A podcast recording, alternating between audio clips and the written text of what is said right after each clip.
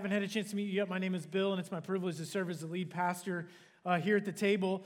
I know we've got some guests who are with us today, so thanks so much uh, for being here. For those of you that are watching online, thanks for being um, there as well. You know, it's amazing. I, I, in, in, the first service this morning, I actually had a conversation with a family. Um, the number of people that will watch services for several weeks and then they will come. And so we had a, a family in the first service that was here for the first time, watched several weeks. So we never know who's out there. Um, but if you are out there, we're glad that you are out there. And um, you can let us know that you are out there. And those of you who are in the room, if you are a guest with us for the very first time, uh, we would love for you to text the word welcome to 833 276 5450. What you will receive back from us when you do that is a link to a digital connection card.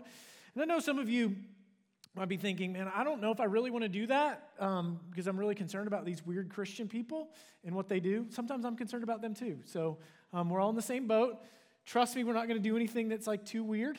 Um, we'll just, you'll get an email from me tomorrow. We'd love to build a relationship with you, find out how we can encourage you and your family. Um, so we'd love to do that. And if I didn't get a chance to meet you on the way in, I would love to do that on the way out. So I'll be at the information table. Um, you can just kind of stop and introduce yourself. Um, you know, one of the things that we would love to do too is, is to be able to, to move beyond just Sunday morning. I think that's super helpful in terms of our, uh, the growth of our faith. Um, now, this time of year is a little bit challenging, you know, heading into summer and things like that. Uh, lots of our groups kind of stop meeting or don't meet as frequently um, over the summer because of vacations and things like that. But there is one more opportunity for you, if you are newer and not a part of any group at all, to jump in on something that is brand new. Um, and that is what we refer to as Formed. Um, and so, Formed happens here on campus on Wednesday nights from 7 to 8. We'll be doing that for four weeks in June. Um, so, it's just a great opportunity to find out more about who we are as a church and what God wants to do in us and through us. Um, and, and, and so I would encourage you to, to be a part of that. There is cards on the information table. There are signs out there with the QR code, so you can register to be a part of that as well. And if you have any questions about that, um, I would love to answer those also.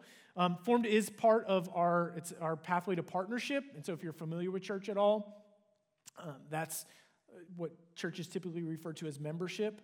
Um, and so if you're interested in that, Formed is the place for you um, for that as well. So get signed up for that. That's going to be starting here in a couple weeks. Again, just a great way for new folks to get to know each other and things like that. So I would encourage you to jump in.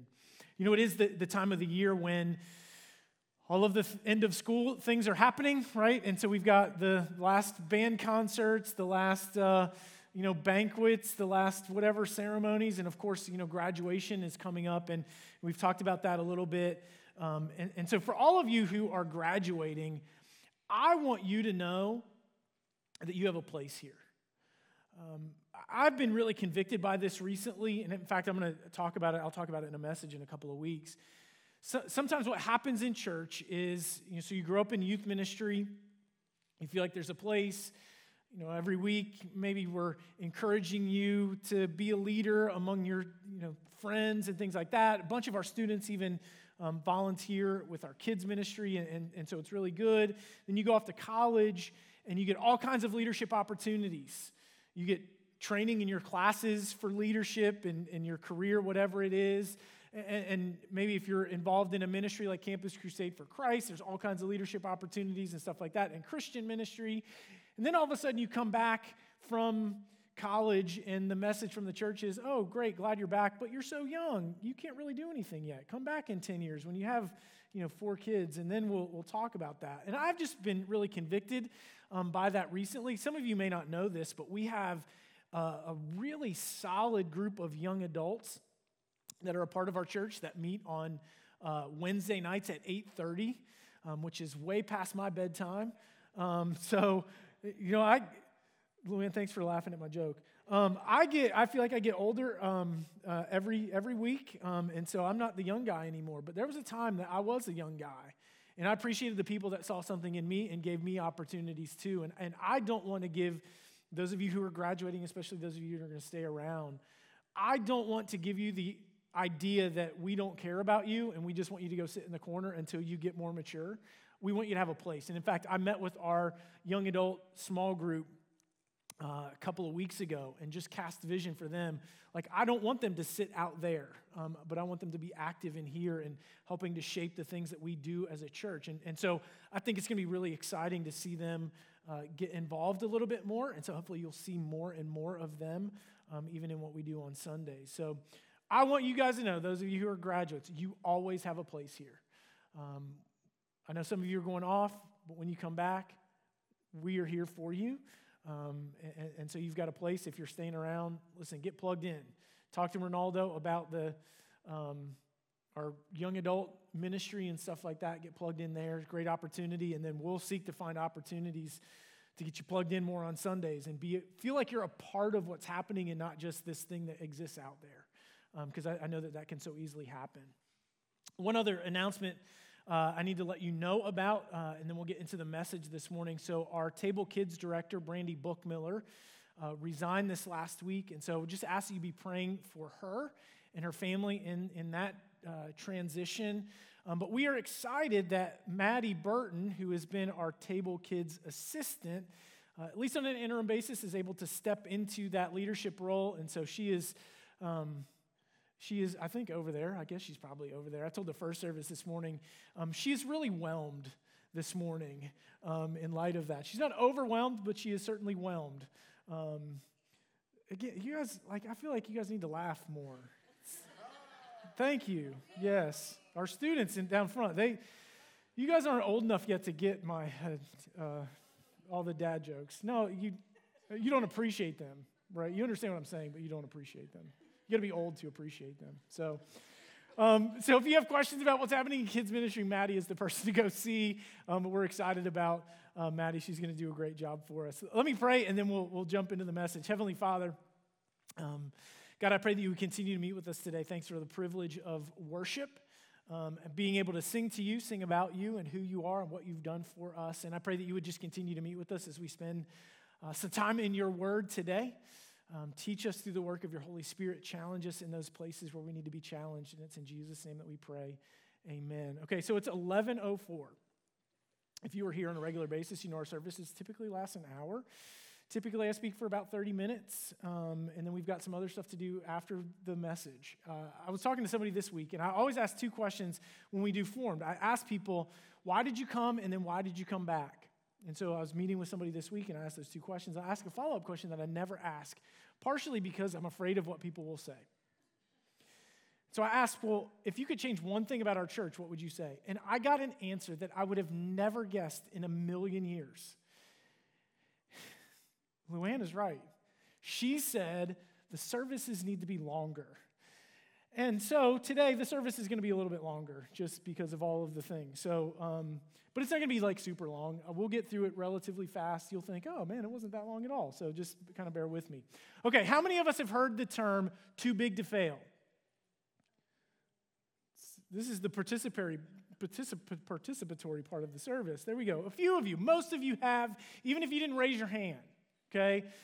Too big to fail is actually a theory in banking and finance that says certain corporations are so big and intertwined that their failure would be devastating to the entire economic system. So, the term was actually coined by a Congressman, Stewart McKinney, back in 1984 in relation to the savings and loan crisis back in the mid 80s, which is something at this point, unless you are my age or older, you know nothing about. And I barely remember it. And remember, I'm the old guy. So, but the reason that we know the term is because of the economic crisis of 2008, when once again that term was used often too big to fail. Now, honestly, this is something because I exist in the world of the church, I don't exist in the world of business. Some of you know a lot more about than I do, but in 2008, around 2008, 30% of all banking assets were held by five banks. And over a two year span between 2007 and 2008, all five of those banks failed or were bought out for pennies on a dollar. Now, prior to that economic crisis, it would, it's hard to imagine how that was even possible because you just look at the assets that they had, the billions upon billions of dollars that they held. Like, how would you ever run out of money? Uh, but Lehman Brothers did fail. Bear Stearns, Merrill Lynch, the others were on a very, very similar path. These things that we thought were too big to fail actually did. and it had ripple effects throughout the economy. I was thinking about this. If I were to have asked my grandparents in the early 90s, like around the time that they retired, hey, give me some companies that you think will be around for the next hundred years. I think what they would have told me at the top of their list would have been companies like Ford and General Motors. General Motors, my grandfather actually retired from General Motors because these classic great American car companies, they had dominated the market for decades. They were so big, especially General Motors with all of the brands underneath their larger umbrella. There is no way that they would ever cease to exist. People love these companies, they trust these companies, but then as a result of the crisis of 2008, Ford and General Motors, if you remember, they almost collapsed too. And it wasn't just the auto industry, it was the airlines. I mean, can you imagine a world where American Airlines did not exist? We got really close to seeing that. So these companies that were we thought were too big to fail because of all of the things that they did, the assets that they had, the income that they generated, they nearly collapsed. And so when you go through something like that, it makes you skeptical. Because these things that you think you can trust, they're no longer there. And I think it's probably a lot like people who lived through the Great Depression or were raised in the shadow of the Great Depression when they thought they could no longer trust banks. So some people started to put all of their money in a shoebox under their bed or not putting all of their money in one bank. They spread it around the city just in case something were to happen. And so these things that sometimes we think are too big to fail, what we have found is that they actually can fail. And that shapes the way that we think. So I want you to think about this Is God too big to fail? Maybe you've never really thought of it in in, in those terms before. But likely at some point in your life, and maybe this is where you are now, you have asked yourself whether or not you can trust God or how much you can trust God, and you've made a decision about that. If you've been around church much, you've probably heard that uh, God is almighty, and just by the nature of definition, that God is the greatest being in the universe. We teach our kids the song, My God is so big, so strong, and so mighty, there's nothing my God cannot do. So I wonder if God is too big to fail. Over the last several weeks, we have been going through our study in Ephesians chapter 1. And if we were to go all the way back to the beginning and the things that we've talked about, we talked about how God has chosen us, He loved us, He predestined us to be adopted as sons and daughters. We talked about how He has given us the Holy Spirit, who is a deposit guaranteeing our inheritance. So we talked about the security of our faith how it's secure because it's not based on what we do, but it's based on what God has done for us, and that's what gives us hope. But the problem is, we live in a world where sometimes deposits don't mean much, and things that are secure can get insecure in a hurry. And so maybe in the back of our mind, there's that seed of doubt, wondering whether or not God is too big to fail, just like all of those other things that we thought we could trust. So today, what I want to do is talk about how we know that God is too big to fail and that we can trust Him. So we're going to finish out our series in the, the, book of Ephesians, Ephesians chapter 1. So if you've got a Bible, you can turn with me to the, the verses that we're looking at this morning in verses 20 through 23. Ephesians 1 20 through 23. If you don't have a Bible in front of you, to be on the screen as I read it, or um, if you have the YouVersion Bible app on your phone and you know how to get to the live events, you can follow along there. But let me read this section for us. The first word, He is God. He exercised this power in Christ by raising him from the dead and seating him at his right hand in the heavens, far above every ruler and authority, power and dominion, and every title given, not only in this age, but also in the one to come. And he subjected everything under his feet and appointed him as head over everything for the church, which is his body, the fullness of the one who fills all things in every way. So the Apostle Paul is writing this letter to the church in Ephesus, but in this section that I just read, really to understand what's happening, we actually have to go back to verse 19. Melissa covered this a couple of weeks ago. It includes Paul's prayer for the church. And he said that he wanted the, the Ephesian believers to know this is verse 19 what is the immeasurable greatness of his power toward us who believe, according to the mighty working of his strength. And then the verses that I just read explain the nature of the mighty power of God. So Paul says, I want you to know the immeasurable greatness of the power of God toward us. I'm sure that you all remember the commercials with the Energizer Bunny. Right? The Energizer Bunny, of course, is that pink rabbit toy that's got the drum in the front. he bangs the drum. It's, there's a motor with a little wheel, and that's how he gets around. Well, when those commercials first came out featuring the Energizer Bunny, there was always an alternate toy with the Energizer Bunny. And they illustrated the power of the Energizer battery in relation to the generic battery. So the toy with the generic battery would stop, and then the Energizer Bunny would keep going and going and going. There is a sense in which what Paul is saying here is that's God's power for us. It just keeps going and going and going. So Paul says, I want you to know the immeasurable greatness of God's power toward you. And then he explains the nature of that power. And the first thing he says about the power of God is that the power of God makes dead things come to life. That's what we read in verse 20. He, God, exercised his power in Christ by raising him from the dead. It's the power of God that makes dead things come to life. It's what raised Jesus, who was once dead, back to life again.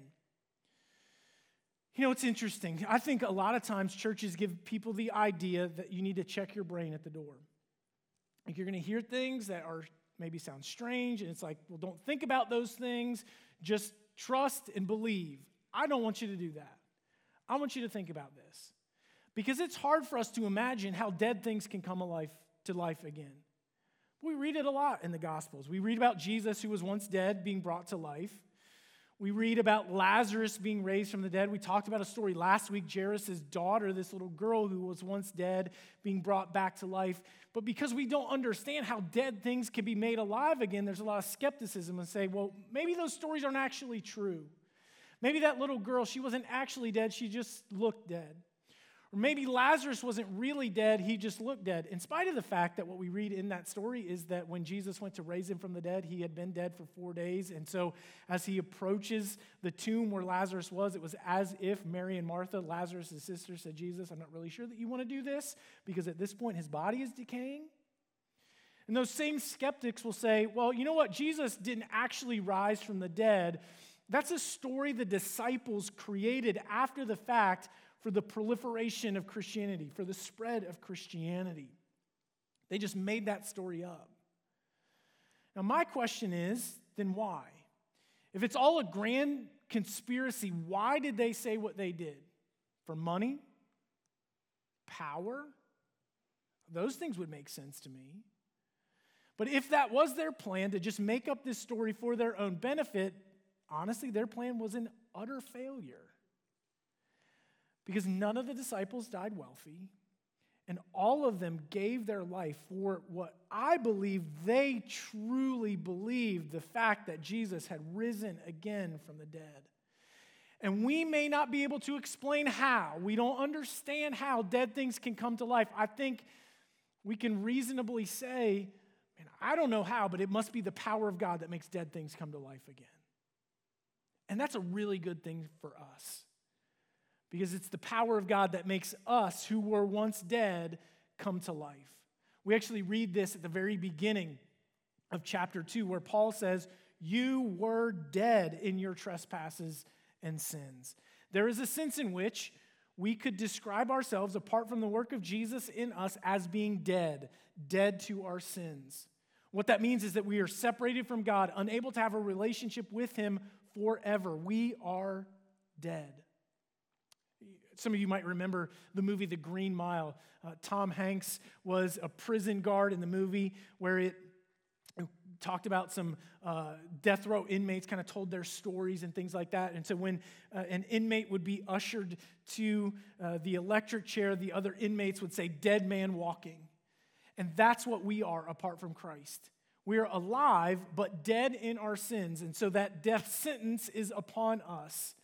But thankfully, because of the work of Jesus, we can be made alive again. Because of what he accomplished for us, our sins can be forgiven so that we can enter into a relationship with God that should change everything about us and last forever.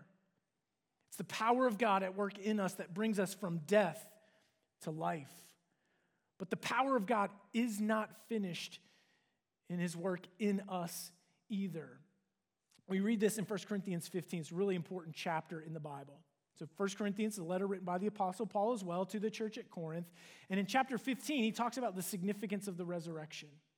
And basically, what Paul says is it's the resurrection that gives us hope. That it's what our faith rests on. If there is no resurrection, there is no faith. Because, and he says, because Jesus rose again from the dead, we will be raised to eternal life. So there's a sense in which because uh, if, for those of us who have trusted Jesus as our Savior, we are brought from death to life. But there is a sense in which in the future, we will be brought more fully and more completely to life because Jesus rose again from the dead. So there's coming a day where we will no longer have to put up with decaying bodies. And there's coming a day where we will no longer have to struggle against sin, but we will be made alive completely and be able to experience life the way that God meant for us to live it as we spend eternity in the presence of God. That's the power of God that brings dead things back to life again. And I'll tell you, I really believe that some of us need the experience of the power of God in our lives today. Because even if you've placed your faith and trust in Jesus and you've been brought from death to life, sometimes we can get really comfortable living as though we are dead. And so there are places in our lives where we struggle. Sometimes maybe it's the way that we think, the way that we view things. Oftentimes it is in the way that we live. But it's the power of God that gives us victory and freedom over that sin or that, that negative thought, those lies that we believe. It's the power of God at work in us that brings about those changes. And some of us need to be praying that the power of God is at work in us so that we let go of those things that are a part of the dead way of life and we can begin truly living. I believe that God is too big to fail because of the power of God, the immeasurable greatness of God's power that brings dead things back to life again. It's that same unlimited power of God that enables Jesus to rule over everything. Again, in verse 20, he exercises power by raising him from the dead and seating him at his right hand in the heavens, far above every ruler and authority and power and dominion and every title that's given, not only in this age, but in the one to come. And I'm going to explain all of that as quickly as I can. But it's the unlimited power of God that enables Jesus to rule over everything. It says that Jesus is seated. The idea that Jesus is seated means that all that he was sent to accomplish has been completed. Not one thing was left undone. Everything that he was sent to earth to do has been finished. And so he finished his work and sat down. But it says that he sat down at the right hand of the Father, which is a position of, of privilege. It's as if the Father is saying to the Son, Come and share my throne, come rule with me. And so it says that he rules over, I want you to notice this. He rules far above every ruler and authority and power and dominion. All of those uh, words are references to demonic forces. They actually show up again in Ephesians chapter 6, which talks about spiritual warfare. If you remember this, if you were here in, in the first week of our series when we did the introduction to the book, we talked about how within the culture in Ephesus was this fascination with magic. And here's what I think Paul is saying I think he's speaking into that aspect of the culture. And he says, whatever these people are, the power that these people are searching after as they're doing this magic, whatever it is, whatever's behind that, Jesus is over all of those things. But not only that, not only is Jesus, does he rule over all of the authorities and the dominions, but he rules over every title that's ever given. Paul is writing to a church that's under Roman rule. At the top of the Roman Empire was Caesar. But I love the way that Paul thinks because he's anticipating questions. And so the question that he anticipates is this well, what happens if the Roman Empire falls and there is no more Caesar and somebody else comes with a different title, maybe like dictator or maybe even president? What about those? Is Jesus over those too? And Paul says, yes, Jesus is over every title that's ever been given in this age and also in the age to come. So, yes, Jesus rules over the dictators. What about the President of the United States, the leader of the free world? Yes, Jesus is over him as well. He rules over everything. It says that everything has been put under his feet, meaning that he exercises authority and rulership over everything. The city of Ephesus was a multicultural city. Its roots being in the worship of the goddess Artemis, but there was a Jewish influence there. Obviously, a growing Christian influence within the city. But then people from all over the region were coming in and out of the city on a regular basis that held all kinds of worldviews. And Paul says, hey, whatever those new beliefs are that show up, Jesus is over everything. You know, today we live in a multicultural world. There's all kinds of different beliefs, all kinds of different worldviews. And at times it seems like these are competing worldviews, where we see Jesus at the top of a Christian worldview, and there's a maybe another world religion with a different uh, God or concept at the head of that. And so we've got all these competing worldviews where we have to make sense of, and maybe at some point in our lives we choose what we think is the best. But here's what Paul is saying these worldviews aren't competing because Jesus is over all of them. Whatever they are, Jesus is at the top of the list and he rules over everything. He rules over everything, including the end of verse 22. He's appointed him as head over everything for the church, which is his body, the fullness of the one who fills all things in every way. Jesus, because of the unlimited power of God, rules over the church. I want you to think about this. You probably don't, maybe some of you have never thought about this, but think about the org chart for our church. Now, I want you to know that churches govern themselves differently depending on their denomination or what they believe. But for a church like ours, where there is no outside authority, if you were to draw up an org chart for the church, you would either put the pastor at the top or a governing body, like in our case, our elder board. And in our case, you could draw it either way, depending on are you talking like functionally or in terms of accountability. There's a sense in which I function as the lead pastor similar to the CEO, certainly as we look at the business side of the church, and the church does in some ways function as a business. But I am accountable to our elders. And so they hold me accountable to make sure that we're doing what we need to do and things like that, make sure we're, uh, that I am leading and we are being led in, in a way that's healthy. It's really easy if you were to draw that org chart to come up with either the elders or myself at the top of that list, and you would miss who's actually at the top. Because this is not our elders' church. Certainly, I don't want you to think this is my church. In our case, we're congregational, so what that means is that the ultimate authority for the church is found in its members or partners. And I want you to have ownership of the church, those of you who are partners. But this is not our church either. This is Jesus' church and he is the head over everything in the church. What that means is that he inspires, he leads, he guides, he supports, he sustains, he is everything. Lots of articles and, and even books have been re- written recently about how the role of a pastor is harder than it's ever been before. And I'll be honest, I, I sometimes feel that. I don't, don't want to make this a, a you know, complaint session for me. Um, but there is a sense in which I, I, believe that that is true. There's different reasons for that. Part of it is the, the, the burden of leadership is more challenging than it's been in the past. Um, part of it's because of the fragmentation of our society and culture. Uh, you know, there are all kinds of things related to that. And sometimes, honestly, it, it can feel overwhelming. But then I remember it's not my job to lead because there's somebody else that's in charge of everything.